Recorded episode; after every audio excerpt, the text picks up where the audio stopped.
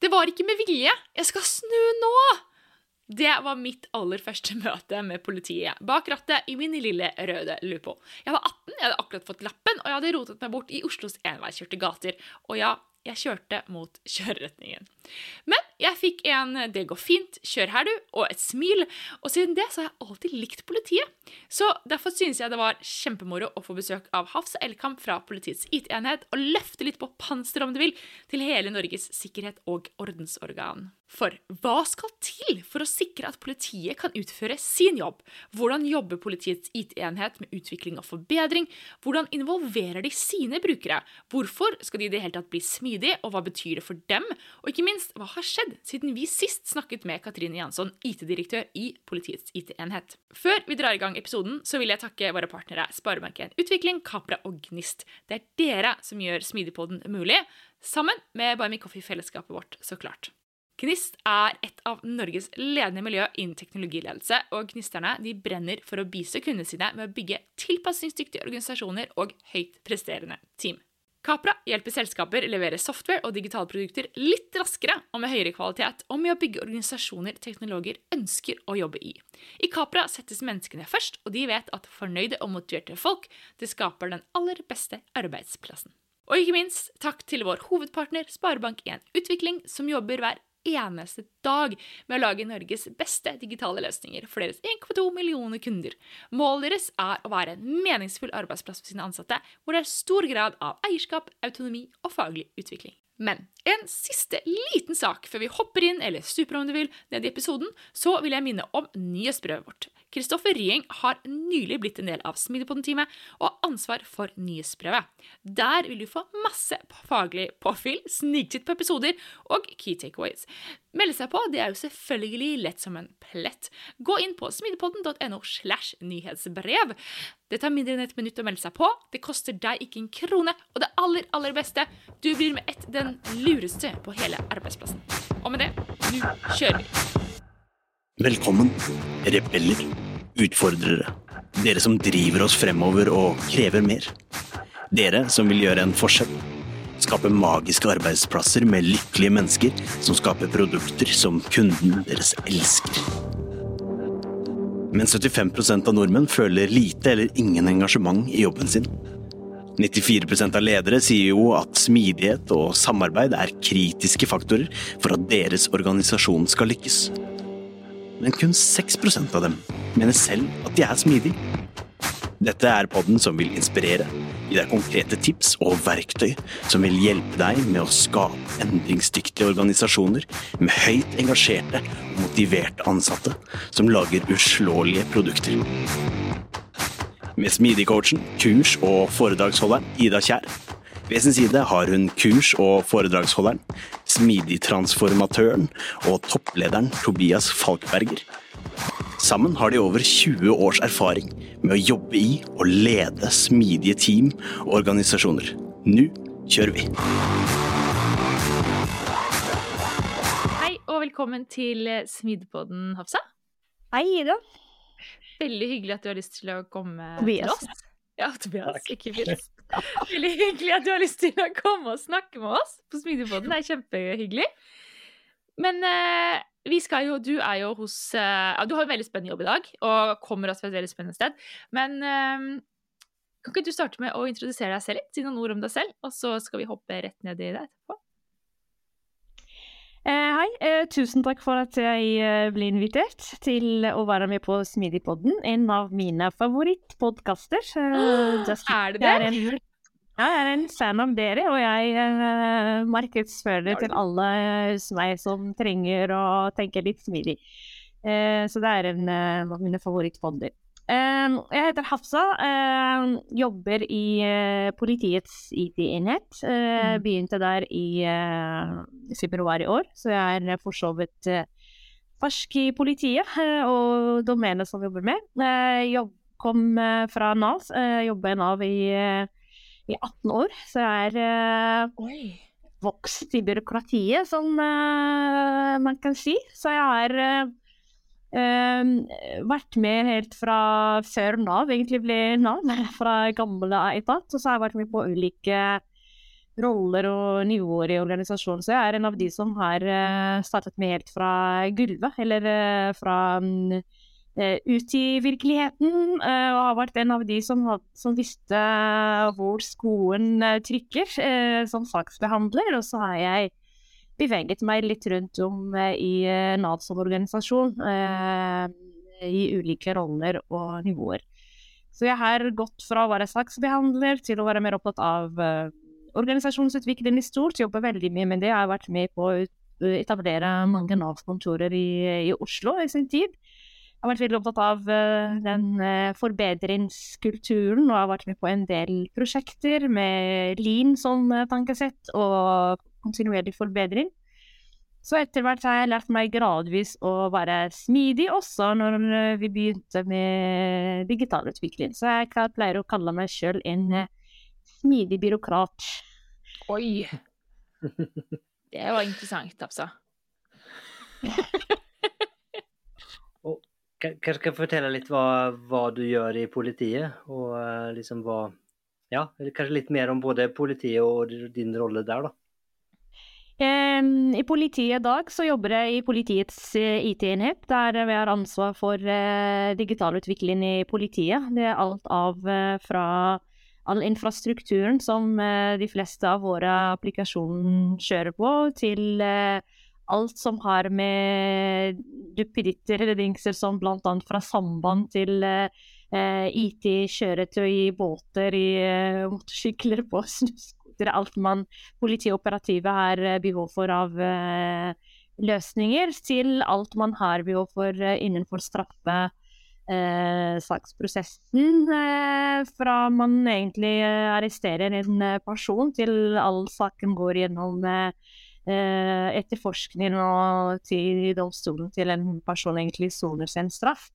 til alt andre sånn type forvaltningstjenester innenfor bl.a. pass eller politiattest. Det er ganske stort eh, omfang av eh, løsninger og tjenester som eh, vi opererer innenfor, som PIT har ansvar for. Personlig er jeg jo ansatt for å lede um, en, um, et uh, leveranseområde, så jeg um, sitter i ledergruppen til IT-direktøren Katrine Jansson, som dere har snakket med tidligere, som en ganske fersk organisasjon, og leder et område som har ansvar for alle løsningene innenfor uh, straffesaksområdet. Uh, mange gamle monolitter uh, som blir utviklet under OL i Lillehammer. som vi er nå planer om å skifte ut. I tillegg har jeg nå i løpet av denne høsten startet et arbeid med å etablere politiets første produktområde, hvor vi kommer til å se på en verdikjede fra en hendelse oppstår ute i uh, samfunnet, til en sak er avgjort. Så da ser vi på hele uh, verdikjeden uh, og alt fra man ringer inn til bl.a. til operasjonssentral, til man sender ut en patrulje ut, til man pågriper en gjerningsperson, og, og hele saksgangen til egentlig en sak er avgjort. Så dette er noe helt nytt som vi er i gang med å etablere nå, og det leder jeg i tillegg til de leveranseområdet. Mm. Da må jeg bare stille et uh, åpningsspørsmål, Hafsa. Og ja. det er jo at jeg vet jo at man er liksom uskyldig til det motsatte er bevist, alt det der. Men, men kaller dere det for uh, brukerreisen, eller kaller dere det for fangereisen? Litt er jo Nei, jeg, jeg, jeg, deler din tanker. Jeg også mener at alle er uskyldige til de motsatte er bevis. Derfor jeg er litt mer opptatt av brukerperspektivet. Okay. Så jeg tenker ja, ja alle skal ivaretas. Eh, vi har jo et ansvar i politiet om å ivareta rettssikkerheten til folk. Det er derfor vi er en rettsstat. Og da er det viktig å tenke på folk som bruker her, og ikke fanger. Greit nok. Uh, dere, dere, er ganske, Du fortalte før vi begynte å spille inn at dere er ganske mange i tillegg. og så, så Kanskje du kan si litt om det, at, hvordan det ser ut. og så vet jeg at du var inne og så på, var inne og kikket litt, dere rekrutterer oss. Det er liksom også kanskje noen vekstplaner? Det, stemmer det? Ja, det stemmer. Eh, PIT, i hvert fall som organisasjon, så har jo hatt ganske Vi har ganske hårete mål om å, å vokse eh, framover. Eh, særlig på utviklersiden. Eh, PIT har jo vært eh, i mange år avhengig av eksterne leverandører, både i forhold til utvikling av de ulike produktene våre, men også for konsulentinnleie. Det betyr ikke at vi ikke kommer til å ha behov for å ha noen ekstern kompetanse og hjelp framover, men vi er også opptatt av å ha eierskap til de ut utviklingsinitiativene vi setter i gang. Derfor er vi ganske på nå om å rekruttere en del teknologer. Der snakker jeg både utviklere og folk innenfor data, men også design. Så det er jo disse Eh, tre hovedområdene vi ønsker å bygge eh, kompetanse internt. Eh, egentlig litt insourcing av kompetanse. Fordi nå er jo IT kjernen i alt det vi gjør, så det betyr at vi må begynne å behandle IT som kjernekompetanse, og ikke lenger som noe støtte for å løse fagproblemer eller behov. Så det er også en del av den strategien vår. Så vi her eh, jobber med en, en strategisk eh, kompetanseplan eh, nå, som vi er i, i, gang med, for å se også om eh, hvilken type kompetanse vi har behov for om eh, fem og ti år, eh, og rigger oss egentlig litt til fremtiden. det betyr at det er noen kompetanse kanskje kommer til å bli overflødig etter hvert, som vi må kanskje allerede begynne å tenke om stille kompetanse hos mange av våre folk som allerede er ansatt, og noe må vi rekruttere fordi vi ikke er her i in-house. Så er dere i midt Kanskje, kan, kan, man si at dere er i en smidig transformasjon? Er det, er det, måte, kjenner du igjen i den si, beskrivelsen? Ja, vi i hvert fall ønsker å omtale det sånn at vi er en smidig transformasjon i form av at uh, vi tenker at vi må til en endring hvis vi skal lykkes med å løse både brukernes behov, da det er både de interne ansatte i politiet, men også eh, sluttbrukere. Det betyr eh, innbyggere og eh, næringsliv, f.eks. samfunnet, så må vi jo gjøre noen eh, endringer. Eh, og vi vet at eh, det å jobbe prosjektrelatert når du driver med softwareutvikling, er ikke lenger bærekraftig. Så det må vi jo tenke nytt. Og da er jo det med å, eh, å tenke litt eh, basert på brukernes behov, eh, ta det litt på alvor, og det skal stå i sentrum. Men også måten vi utvikler teknologien på, eh, må jo være istedenfor å ha sånn eh, big bang-løsninger. At vi må tenke litt, eh, litt og litt og utforske, eksperimentere. Eh, lære og teste ut ting og videreutvikle. At vi heller lever, jobber litt mer iterativt med utviklingen. Så det er jo da det vi ligger i den uh, transformasjon, er at vi eh, tenker veldig stort. F.eks. bl.a. når vi tenker at vi har en ganske langsiktig plan for både hvor vi skal om fem-ti år, både kompetansemessig, organisasjonsmessig og sånn. Men vi må jo starte litt eh, smått da, og prøve oss litt frem. Og eh, prøve å feile og lære. Det er jo de som er uh, hele tankesettet vårt rundt uh, smidig. Og så hvordan, det her er litt interessant, for Nå toucher du på noe av det ja. Tobias og jeg diskuterte senest i går. Eh, og dette er dette med, med liksom, eh, inkrementiell utvikling versus type liksom, big bang. Og hvordan, eh, hvordan kommuniserer dere det? For det, altså, dere lager jo løsninger for også, også, folk som jobber operativt, er ute i felt. Eh, hvordan kommuniserer dere denne endringen til dem? Fordi det må jo være eh, ganske sånn Eh, altså hvis, altså hvordan, hvordan, jobber dere med det? Dere kan jo ikke bare flytte en knapp eller gjøre ditt. Eller, altså, hvordan er det dere gjør det rent praktisk? Hvordan kommuniserer dere med de? Hvordan blir det mottatt? Vi i hvert fall akkurat der vi er nå, at vi uh, mye, mye kommunikasjon. Vi må si det 10 og 20 ganger. For uh, samtidig så må vi komme litt i, i, gang og i fart også, for å kunne begynne Eh, at vi har mange intensjoner og planer. Det tror jeg alle kommer til å forstå. At vi ønsker å jobbe annerledes og levere noe verdi. Men folk er opptatt også av å se noen konkrete leveranser. Eh, og det er der eh, vi jobber litt med nå. På litt å koble oss mye mer mot de som skal ta i bruk disse løsningene. Så derfor vi er veldig mye ute nå. alle både i hvert fall de teamene som vi er i gang med å etablere, vi har fått inn en del utviklere hvor eh, vi reiser ut til bl.a. operasjonssentraler. Så sitter vi med på Medlytt i seks-åtte timer. Både utviklere og designere og produkteiere, f.eks. Sitter der, og så ser vi litt hvordan de jobber. Så får vi også en mulighet til å bli kjent og kunne også fortelle litt hva vi tenker. og verifisere også en del hypoteser som vi tenker å, å jobbe med. Så der så er vi også litt det der med inkrementell kontra big bang når du jobber med kritiske løsninger, er, også, er en utfordring. Så det er en sånn balanse som vi må eh, jobbe litt med. Eh, for det er noen områder som du kan faktisk eh, lansere noe smått og, og, teste de ut. mens du venter på å ha noe bedre.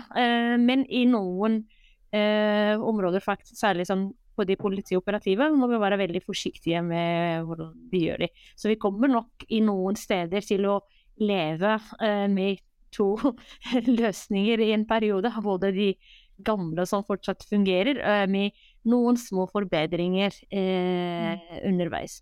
Så det er ganske mye kommunikasjon, som eh, du sier, men det handler litt egentlig om å ha den direkte kontakt med de som skal ta i bruk de løsningene.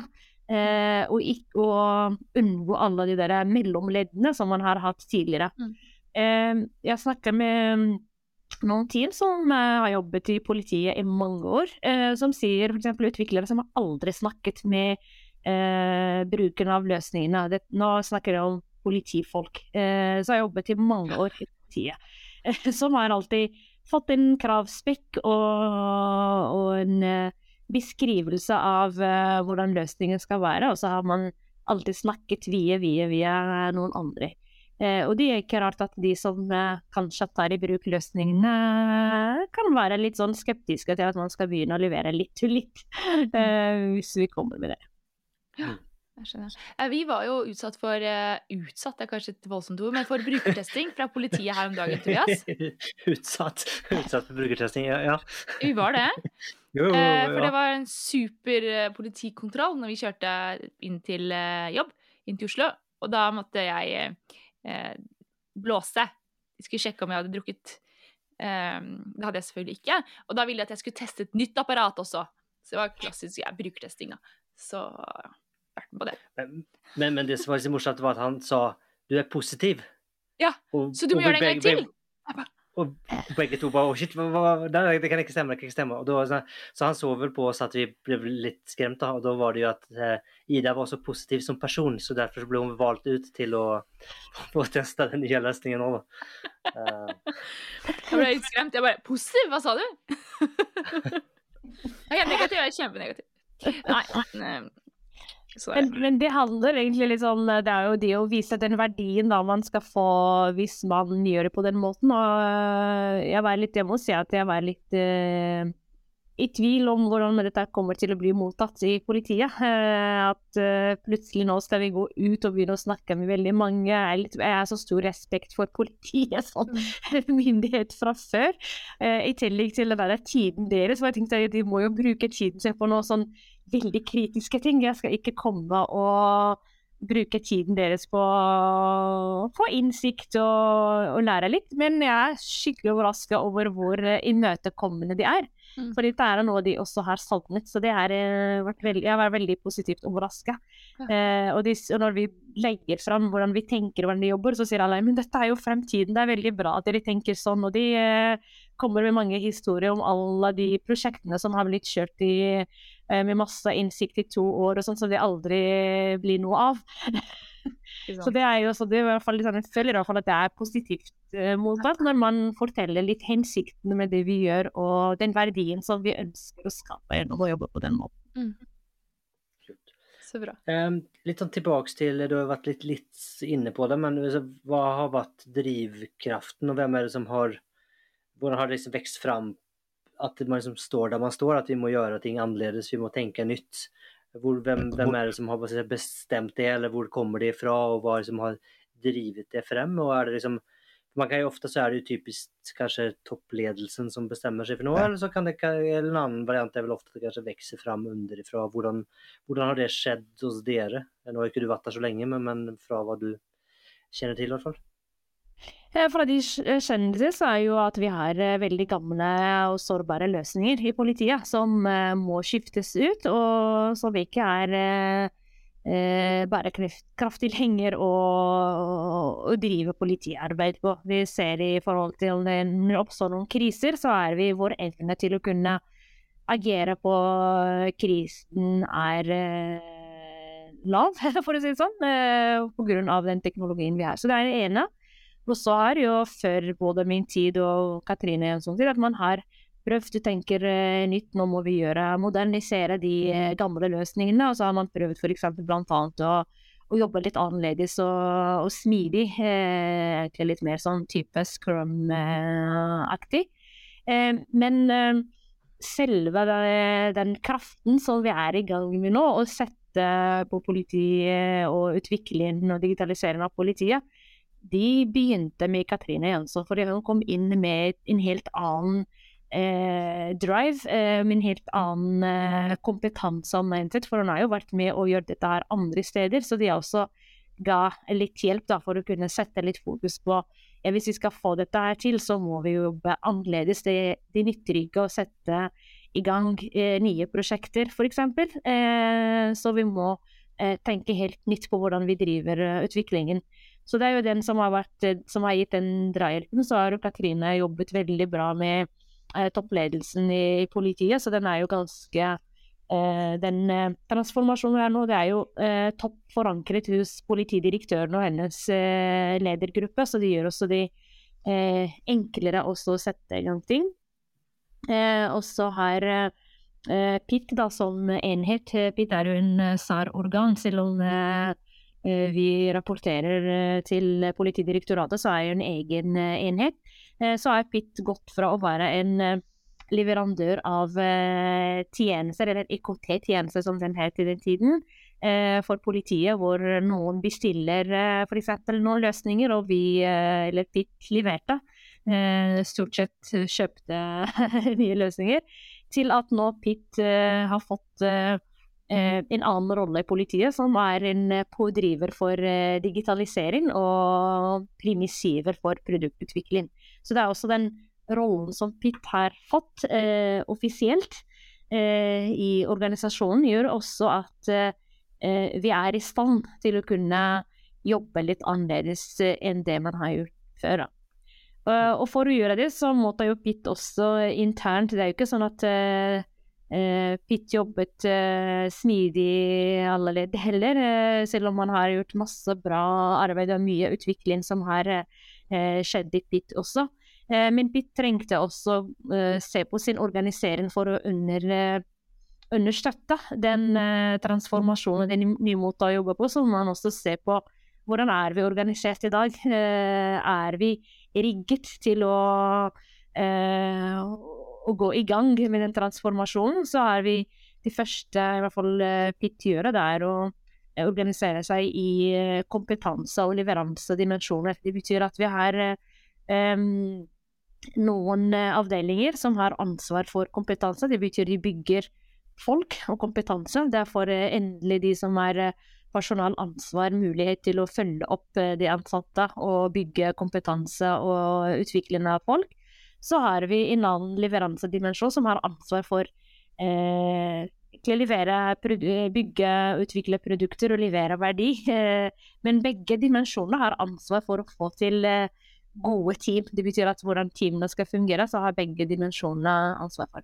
Jeg personlig eksempel har ingen personalansvar for de jeg har eh, hos meg, så jeg har ansvar for leveranse. Da har jeg all tiden min bruker jeg på å se om det vi leverer, vi kommer til å gi den verdien vi ønsker framover. Eh, og så passe på at jeg har til enhver tid den kompetansen jeg trenger i de timene. Eh, men jeg, ikke, jeg bruker ikke mye av min kapasitet på rekruttering, det tenker jeg er noen andre som gjør. Og de å, å bygge kompetanse til folk. Så jeg er litt sånn bruker egentlig den kompetansedimensjonen som en liten intern konsulentenhet, hvor jeg egentlig ber om uh, dette er behov for av kompetanse for å levere på dette, her er det den eller ikke. Det er sånn det er. Mm. Men du er litt veldig interessant, du er inne på organisering her. og den, har dere, Det du skisserer her, er det relativt nytt? Og har det liksom, si, egentlig bare blitt altså, rullet ut, høres veldig voldsomt ut, men har man liksom bestemt seg for en, en ny form, og så har det måttet liksom blitt etablert? da?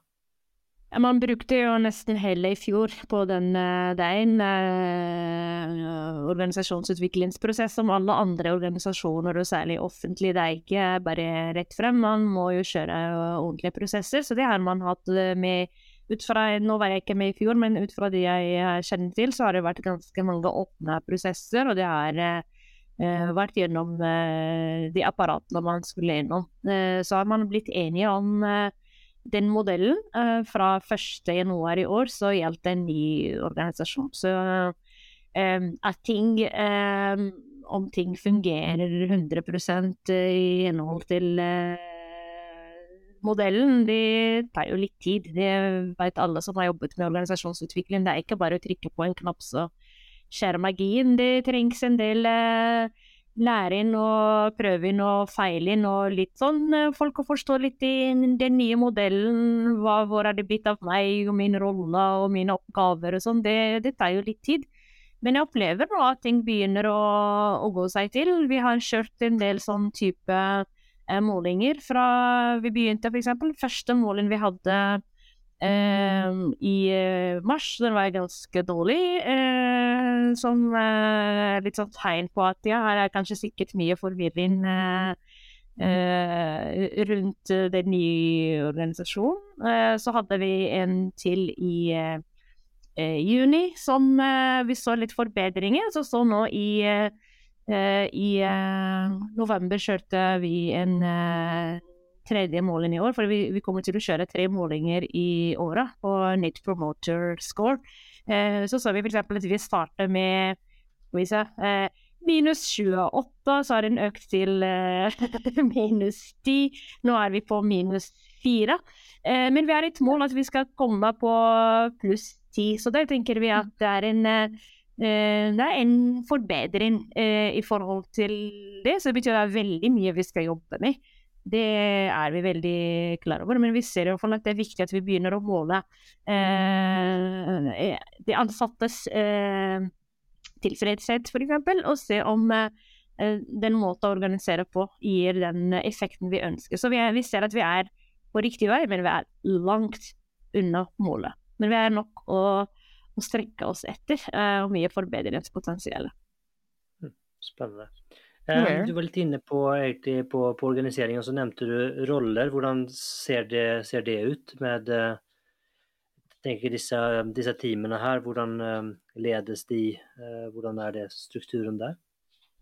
det har vært sånn tradisjonelt at teamene har vært sammensatt stort sett av utviklere og teamledere. Alle andre har vært egentlig folk som er litt utafor teamene, så det er ofte eh, tradisjonen da, i politiet. Så all fagfolk, f.eks.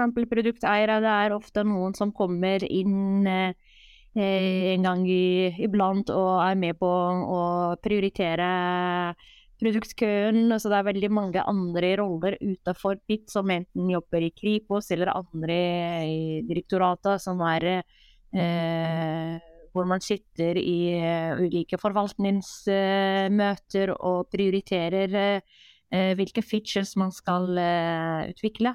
Så det har jo vært tradisjonen. Så nå har vi jo prøver i hvert fall å gå over til eh, skal vi sånn, leveranseteam, hvor vi tenker litt sånn sammensetning mellom fag og teknologi, og begynne å introdusere nye, bl.a. design jo ikke noe man hadde veldig stort forhold til. Eh, alle driver jo med design, men vi er ikke designere som eh, eh, som vi kjenner til er enten produktdesign eller tjenestedesign. Det var ikke veldig mange av. Nå har vi begynt å bygge også den kompetansen og prøve å få introdusere det litt i timene.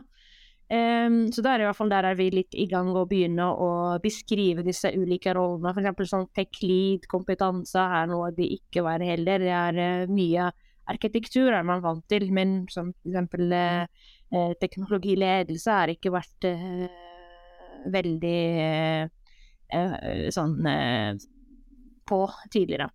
Eh, så dette er på disse leveranseområdene, men på dette produktområdet som jeg nevnte at jeg er i gang med å etablere, der tenker vi nytt. Der tenker vi nytt rundt både organisering. Da beveger vi oss også utenfor PIT-sfæren. Eh, for det er veldig viktig når vi eh, skal bygge noe nytt, eh, og vi tenker å jobbe annerledes, det betyr at politiet må jobbe annerledes, så er ikke det bare pitt som må jobbe annerledes. Da må vi begynne å tenke tverrfaglighet. Eh, da må vi tenke eh, eh, smelte sammen IT og andre fagdisipliner, om det er både eh, politifaget, juss, eh, andre domener. Og det er det vi gjør nå. Der har vi fått nå en beslutning fra politidirektøren å sette i gang dette produktområdet eh, med fire produktteam. Og da snakker jeg om produktteam og ikke leveranseteam. Eh, produktteam det betyr at det er både De får problemer de skal løse, eh, og de får eh, en tydelig retning. Hva er det vi ønsker å oppnå eh, med det de skal gjøre, og, og får denne eh, min, myndiget eller sånn empowered til å løse de problemene. Så det er jo de vi prøver nå å få på plass, og der har vi en sammensetning av uh, ulike fagdisipliner. Ved alle teamene nå, de fire, har en produkteier eller produktleder. Jeg foretrekker ofte å bruke produktleder, men der er ikke vi ennå. Um, og så er vi utviklere, og har vi design. Så alle teamene har en sånn den der produkttrioen som vi, eh, i hvert fall eh, vi som er opptatt av produktutvikling, er opptatt av, og se de eh, i, i disse produktteamene. Så i tillegg, i produktområdet, så har vi et, eh, noen andre eh, kompetanseprofiler som kan brukes på tvers. F.eks. Eh, juridisk kompetanse, smidig coaching, Eh, F.eks. noen flere fra fag, eh, liksom eksperter i ulike fagdomener, som teamene kan trekke inn ved behov. Det blir litt sånn mer på pull og ikke push-faktor, men det er teamene da som må eh, styre eh, hvilken type kompetanse de trenger og når, og ikke at noen pusher de. Eh, så har vi i tillegg et eh, eiermøte som egentlig tilsvarer et sånn type styre, som består av eh, eh, fire direktører som sitter i politidirektørens ledergruppe, som er de som egentlig beslutter hva vi skal oppnå, og ikke hva vi skal lage. Men eh, som er litt med, med å både prioritere eh, de verdiene vi, vi ønskes å skape, og de problemene som skal løses. Eh, og også sånn alt rundt finansiering og alt for det der også, vi, prøver vi oss også på en liten mer forutsigbar finansiering enn det vi har hatt eh, hittil. Det betyr at vi finansierer ikke lenger antall timer eller leveranser, men vi finansierer time. Det betyr at uh, for å løse disse behovene, så trenger vi så mange personer, f.eks. en produkteier, en produktdesigner, tre-fire utviklere, og de vil koste så mye. Så det er det vi får finansiert, og ikke eh, antall timer. Og dette er litt sånn noe nytt da, i, som vi har akkurat begynt med i august. Og akkurat ferdig med å få bemanne alle timene. Og vi har eh, denne uken eh, landet, eh, eller besluttet retningen for teamene timene og hva de skal eh, styres på framover, så betyr at teamene nå er eh, klare til å begynne De har begynt å definere hvilke hypoteser de skal begynne å jobbe med, og begynne å utforske dette her. Så det er litt, men det er jo vi litt uh, Som sagt, da, det er en liten uh, annen tilnærming enn det vi er i PIT i, de, uh, i den gamle rigen. Mm. Spennende. Dette er jo kjempespennende, for det, det. det du skisserer nå, er jo, jo. egentlig veldig autonome team. Mm. Det er de som er målet. At vi, har, ja. at vi skal ha autonome team. Men for å ha autonome team, så må vi jo ha en tydelig retning. Og vi må ja. legge til rette til alt rundt eh, teamene for å være autonome. Det ene er blant annet at de eh, skal få en, eh, noen tydelige mål. Eh, de skal eh, levere under tydelige problemer, og så er det opp til teamene å finne ut hvordan de skal løse problemene. Men her er de også litt ansvarlige for å å vise resultater av det de gjør. Så det er jo den, det er den det er den veien vi ønsker å, å, gå, og der er det vi starter nå smått med disse fire produktteamene. Mm. For med autonomi så er jo, som du nevnte, altså retning er kjempeviktig. Men det er også viktig for teamene å føle seg trygge. Og du var litt inne på det med, med budsjetter og altså den type ting, da. Um, hva er deres refleksjoner rundt det? For det, politiet blir, får vel en uh, det er vel en post i eh, statsbudsjettet som politiet får, og så blir vel det på en måte fordelt på et eller annet vis. Altså, hvordan er det det Hvor stabilt klarer dere å holde det på et vis, da? Og hvor mye kan dere bestemme selv?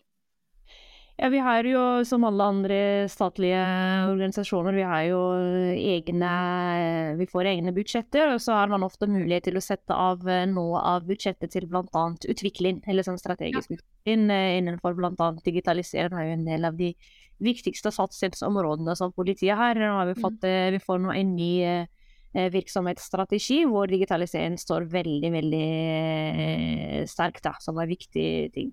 Så der er vi jo eget eh, porteføljestyre som prioriterer hvor er det vi skal sette kraften vår. Og det er ikke det handler at Hvis man da tenker at dette produktområdet er viktig framover, og at det er viktig å jobbe på denne måten, så må man også prioritere eh, det, og prioritere og den finansieringen. Og det er akkurat det vi har fått til for første gang. er at vi, eh, vi fikk beslutningen om å sette i gang dette produktområdet i, rett før sommeren, og da fikk vi allerede finansiering både for 2022 og 2023. Det har jo ikke skjedd engang i Nav, hvor jeg jobber i mange år, at vi får finansiering for året etter, før du har i det hele tatt kommet med eh, veldig lang eh, avhandling med gevinstrealisering. Så det jeg tenker at det er jo egentlig litt eh, Tyder også litt at vi Det er en moden organisasjon eh, som er til stede, eh, som også gjør at vi at teamene kan få akkurat den tryggheten, for vi er ikke nå Eh, teamene kommer til å jobbe etter eh, de de planlegger allerede, så de trenger ikke å bekymre seg for om eh, jeg, kommer vi til å miste uh, han ene eller andre sant, i løpet av året. De trenger ikke å bekymre seg for. Mm. Uh, det de skal fokusere på, er egentlig den det de utvikler og det de lærer, og det å ha den kontakten med brukere og få levere den verdien, det er jo egentlig det de skal ha fokus på. Mm. Mm. Eh, du nevnte litt eh, bemanning her. Hvordan har, det, hvordan har du liksom funnet de folka som skal sitte i disse nye teamene og måtte jobbe på den nye måten? Hvor, eh, hvor, kommer de fra, og hvordan har den prosessen gått til? Ja, det er, når det gjelder designere, så har vi vært heldige at vi har fått ansatt en del riktige designere. Både tjeneste- og produktdesignere. Så der har vi, i hvert fall til de fire teamene av hvert team, har hatt har en egen designer. Det har vært vi heldige med. Eh, når det gjelder utviklere, så er ikke vi, det er ikke mange av dem i PIT. Og allerede, alle, de som allerede er der, er jo allerede eh, allokert til andre team. Eh, så vi har eh, prioritert å få inn noen interne, for jeg er liksom opptatt av å ha i hvert fall minst en intern i hvert team for å, for i hvert fall å beholde litt eh, den kompetansen og læringen internt. Eh, så har vi da leid inn Eh, fra markedet. Det, der har vi også vært ganske eh, heldige og fått en veldig gode eh, utviklere eh, som har Men der har vi vært veldig tydelige på at vi ønsker å ha eh, seniorkompetanse, og at vi ønsket å ha folk som har erfaring med produktutvikling når det gjelder den måten å jobbe på, litt hvilke typer teknologier har vi vært veldig restriktive på eh, også. Så der har vi vært Vi brukte en del tid. Eh, det var litt mer, eh, i hvert fall for min del, det var viktigere å få inn riktig kompetanse enn at prosessen går fort eh, akkurat på denne her. Mm. Eh, når det gjelder produkteiere, så har vi eh, ikke kan jeg si sånn folk med masse produktutviklingskompetanse i politiet. Eh, men mange, de vi har nå, er sånn eh, fremoverlente fagfolk som kan eh, fagområdet veldig godt, men også som brenner for dette. Så der har vi fått inn de, og så har vi satt i gang et kompetansebyggingsløp. Vi har etablert egen produkteiernettverk internt, vi har en sånn produkteierskole, og så får vi inn ansatte, en veldig dyktig leder for eh, produktutvikling som kommer nå til å drive litt, litt mentoring av disse produkteierne. De og eh, annet dette med å ha mye mer fokus på OKR og hvordan vi måler verdi og sånn. Det er jo en ting som vi kommer til å bruke ganske mye tid på. Så vi henter inn kompetansen utenfra på noen områder, og vi bygger eh, på de, i hvert fall særlig Eh, produktledelse syns jeg er litt sånn viktig at vi bygger det også internt. Og så eh, bruker vi litt tid på den. Det du sa nå, det minte meg litt på um, for Blant annet i, i Nav så har de jo Produktlederakademiet, er ikke det det heter? Ja. Um, Og du har jo vært i Nav. Uh, hva er dine refleksjoner rundt eh, en måte den tiden din i Nav, og hva er det du har tatt med deg videre til politiet? Det, har det noe du har sett som deg? Det her kommer ikke til å fungere i en kontekst enn Nav, eller ja. Har du tatt med noe? Ja, det var bra du nevnte det med Produkteierakademiet. Det er egentlig en av de tingene som eh, vi kom veldig seint med i Nav. Eh, vi I Nav så de første kanskje tre årene eh, så hadde vi ikke veldig stort fokus på det. Så vi eh, tenkte ja, vi henter inn fagfolk som kan være produkteiere. Men vi var ikke klar over at eh, produktledelse eller produktutvikling er et eget fagområde. Så det er ikke hvem som helst kan ikke være en produktleder. Eller det, de kan jo selvfølgelig, man alle trenger litt lærer, men det trengtes også å bruke litt tid på det, og, og bygge din kompetanse. Og det er det vi lærte litt inn av eh, etter hvert. Og det tenker jeg vi tenker nå, i politiet, så vi tar, tar med oss den læringen fra Nav, er at det er veldig viktig å, å bygge um, gode produktledere og, og bygge produktutviklingskompetanse helt fra starten og få til den der, som vi om, den produkttrioen i et team til å fungere veldig bra, og det å jobbe med eh, omgivelsene, f.eks. bl.a. rundt eh, styring og finansiering, det er også noe vi har lært i Nav at det er veldig viktig å ha på plass, for det hjelper ikke eh, å si at vi skal jobbe smidig og skal autonome hvis eh, omgivelsene fortsatt forventer eh, eh, noen eh, leveranser på noen milepæler, og eh, det blir målt på output f.eks., så da hjelper det ikke. Så det er sånne type ting som de erfaringene vi har i Nav, som i hvert fall jeg tok med meg, at vi tar noen sånne shortcuts hvis man ønsker det, eller at man ikke trenger å finne kruttet på nytt på noen områder. Um, I tillegg, um, blant annet dette her med når, når vi etablerer dette produktområdet, så har det vært veldig viktig for meg at eierskapet skal være tverrfaglig fra dag én. At vi ikke tenker at, uh, um, at vi skal organisere nye måter å jobbe på basert på gamle silomodeller. Det er, uh, for det vi kommer til å havne i, at vi kommer til å lage en arkitektur som gjenspeiler hvordan vi er organisert. Den derre Conways-loven som uh, dere sikkert kjenner til. Uh, det har også vært litt uh, viktig at vi ikke havner i silo. For det at brukernes behov de strekker seg på tvers av ulike domener og organisasjonsstrukturer. Og det må vi passe på nå når vi utvikler noe nytt. At vi passer på at vi har med oss brukernes behov hele veien, og tenker helhetlig fra, fra start. Så kommer det sikkert til å bli veldig stort etter hvert, da kan man drive med celledelen, men da har vi sikret en eh, helhetlig tankegang fra, fra, starten. Så Det er også noe jeg ser at eh, i Nav har nå nettopp hatt en uh, evaluering av produktorganisering uh, de siste årene. Og blant de tingene man ser på, er blant annet dette her med produkteierrollen, f.eks. Det å ha mer fokus på. Det med å, å tenke helhetlig på tvers av ulike fagdomener. Eh, og de tredje, som også jeg var litt opptatt av nå i politiet, å tenke fag og IT som driver utviklingen. Det er ikke sånn, det skal ikke være IT-drevet eller fagdrevet. Det har også vært mm. veldig eh, god erfaring min av at i starten så var det IT som drev utviklingen, og så henger fag etter. Og nå i den evalueringen ser man at det må vi finne hvordan eh, produktutvikling og linje skal samhandle, eller fagavdelingene. Og det er jo også sånne type ting jeg tenker er litt viktig for meg da nå når vi starter dette på nytt. at uh, jeg har jo med de erfaringene, så jeg har ikke fasit på hvordan vi skal løse det, men jeg tenker at det er jo noe vi i hvert fall skal ha litt fokus på. Ja, spennende. Jeg, jeg deler den um, refleksjonen der. Dessverre så er det nå mange som um, har hatt litt for lite fokus på, på det fagområdet som altså produkteiers eller produktledelse som generelt, og at det liksom er Kanskje i, i Norge at det har liksom fått litt lite plass. Kanskje burde det begynne å komme nå. Jeg begynner å se det flere som måtte begynne å ta det.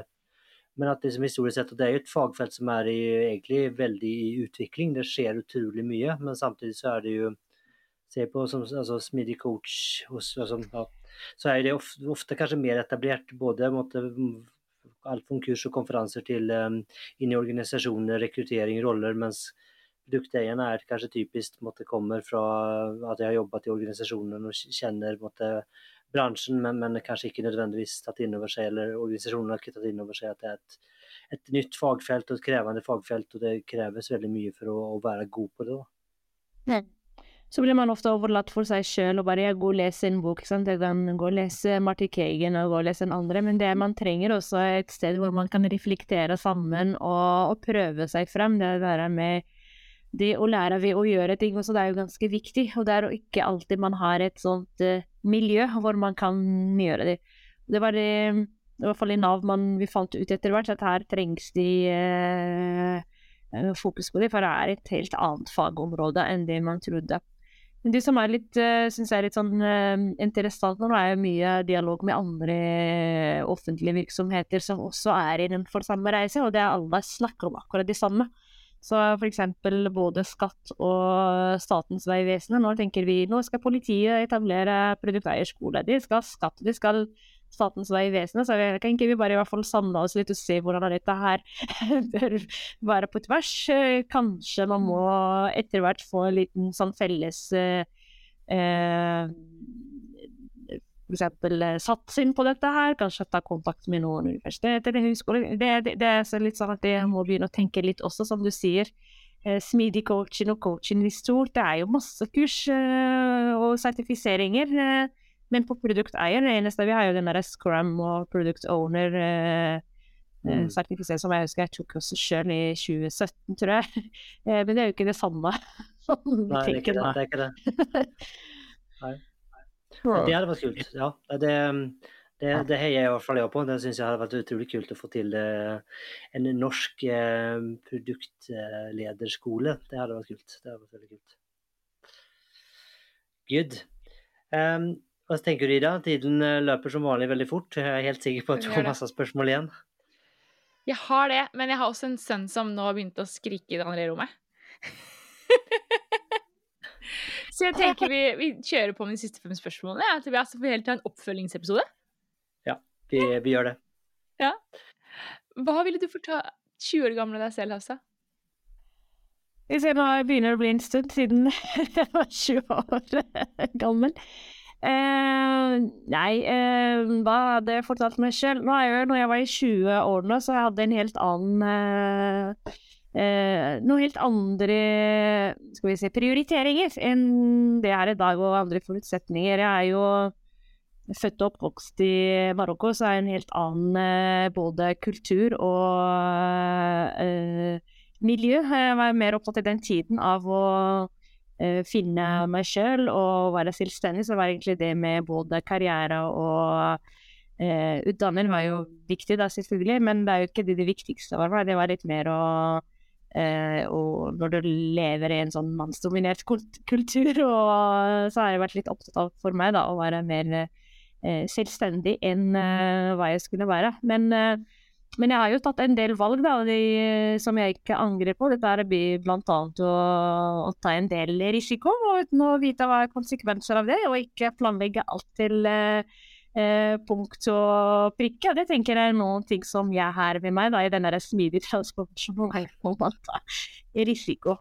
Så de, de, forteller Jeg har en 17 år gammel datter, eh, og dette forteller jeg henne at du trenger ikke å ha hele livet ditt planlagt til hver enkelt detalj. Det er veldig viktig at du eh, lever også livet ditt også. Det er viktig med venner og og ha det bra og velge noe du sjøl uh, liker. Uh, og så tenker jeg hadde aldri mitt ville fantasi tenkt at jeg kommer til å ende å jobbe som områdedirektør i politiet i Norge når jeg er 20 år.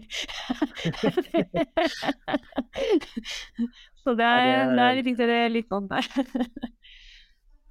Ja, det er fascinerende hvordan, hvordan, hvordan hvor, livet tar en, og hva man ender opp med. Det er vel tror det er veldig få Det finnes jo så klart de òg, men jeg tror de fleste liksom, de får, seg, de får seg jobber og ender opp steder som de aldri hadde kunnet tenkt seg at de skulle gjøre. Så det er eh, morsomt, det. Eh, hva tenker du kjennetegner en god leder? Jeg er en god leder. Eh, jeg tenker dette her med mm, å, å være Det første er egentlig den tilgjengeligheten.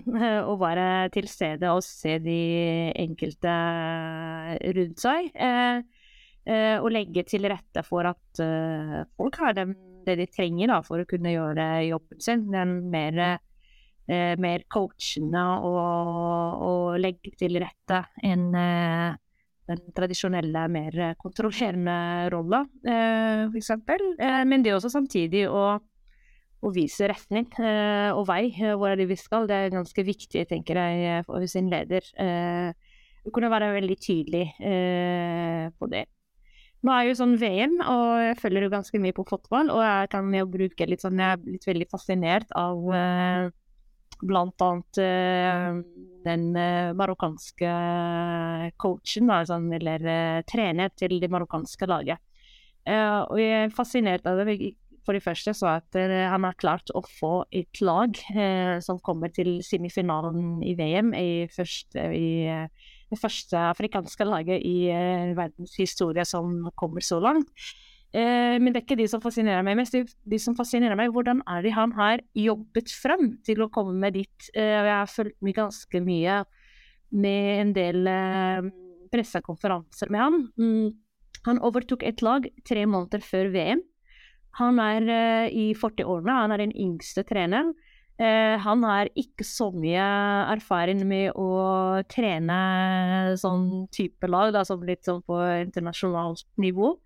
Og han hadde alle forutsetninger til å mislykkes, og alle rundt han eh, kritiserte at en så ung og uerfaren person skulle eh, lede et lag på den måten. Og så har han vært veldig tydelig på det, at ja, han hadde ikke den erfaringen, men han har jo han har veldig mye pågangsmot, og han hadde eh, satt en del premisser for å få til dette laget. Er at han skulle ha all myndighet til å kunne velge spillere. Han reiste rundt. Eh, de fleste av de spillere bor jo spredt rundt omkring i Europa, så han har jo reist rundt til hver enkelt og hadde en samtale med hver enkelt. Eh, hvor de satte litt forventninger på hva de eh, både ønsket og hvordan de skulle jobbe. Nå, et par av dem, en av de beste spillerne, hadde egentlig nektet å stille for Marokko, og de blir eh, ansett som sånn type rebeller. Eh, det er ingen trener som ville ha dem. Men han har klart å snakke med dem og forstå dem, og fokuserte på de styrkene de har, og at de skulle være med på de premissene.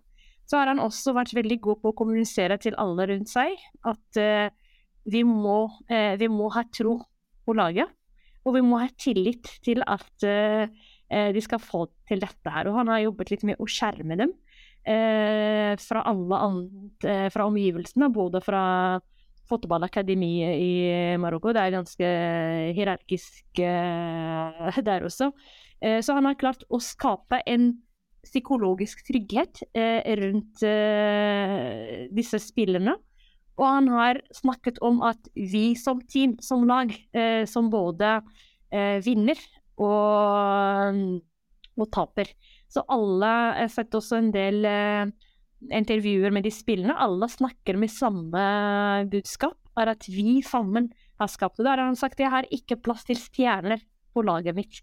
Jeg har plass til eh, lagspillere, og alle sammen har ett mål. Og målet vårt er å komme så langt vi klarer i VM. Og vi er her for ikke for å være, med, være deltakere, men vi er her for å vinne.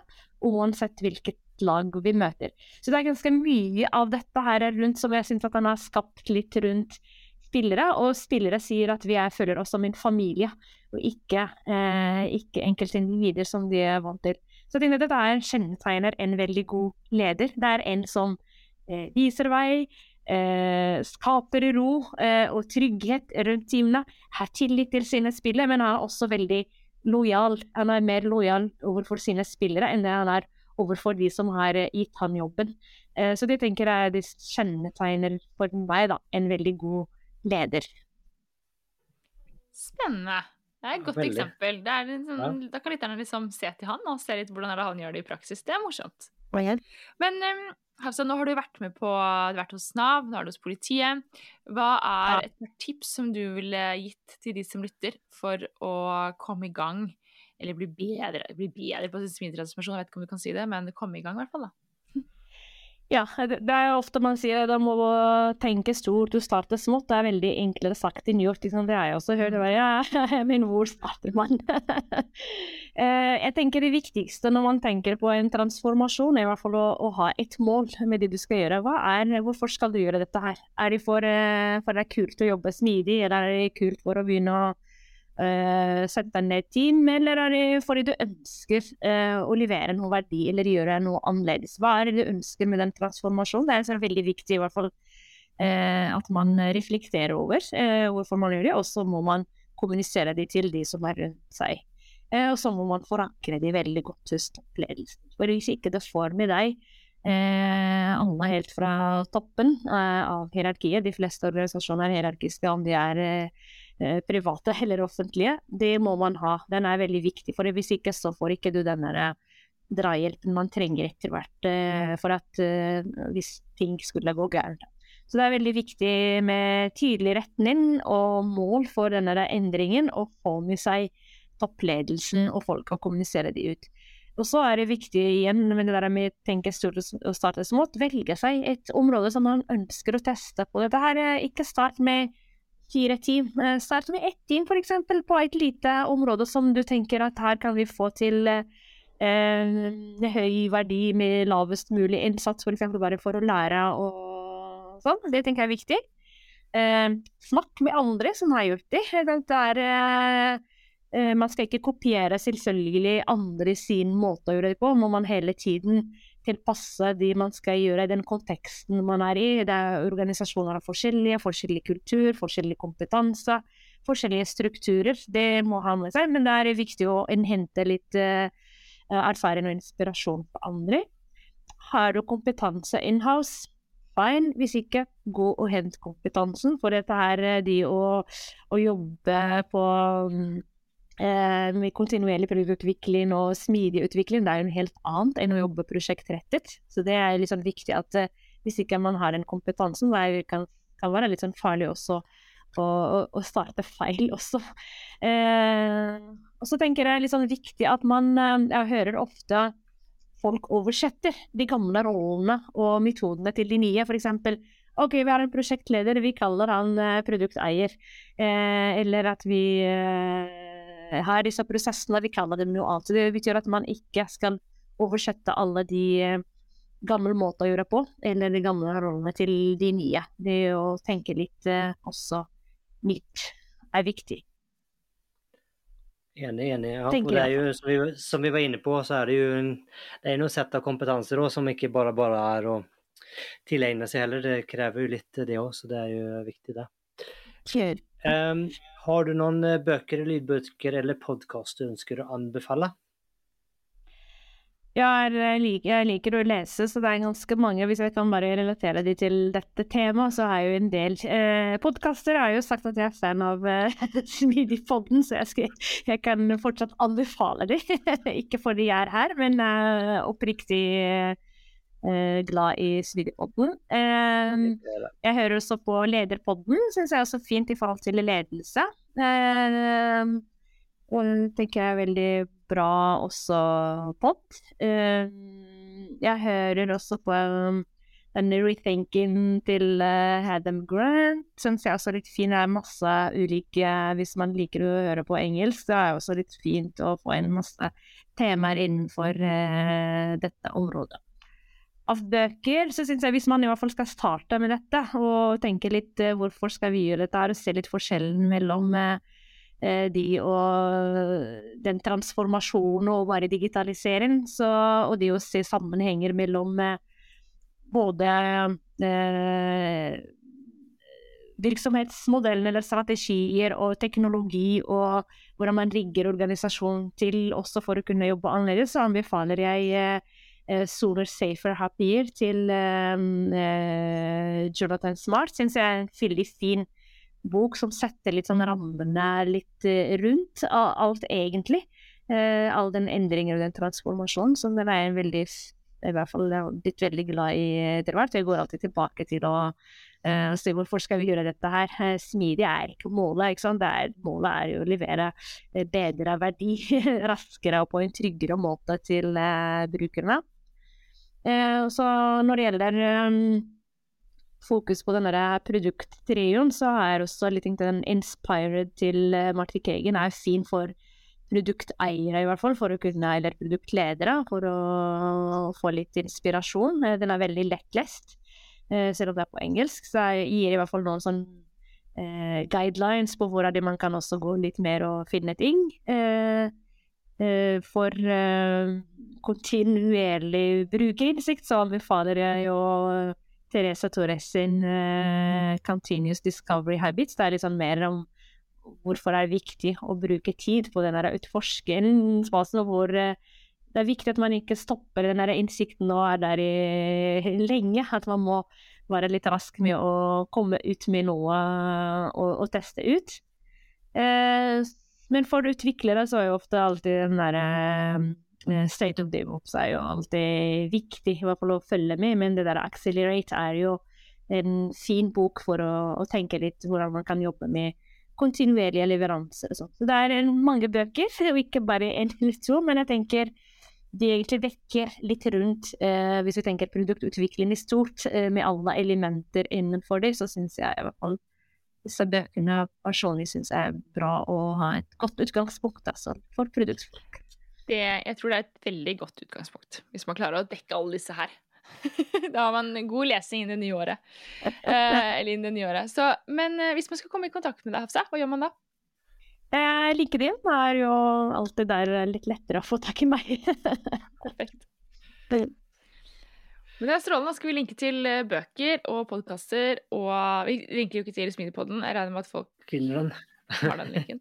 Uh, men uh, vi linker også til LinkedIn, så kan man bare klikke og ta kontakt med deg. Som er det, ja. Tusen ja. takk. Har ikke like måte. Du får ha en god jul etter hvert, da. Ha det bra. Ha det.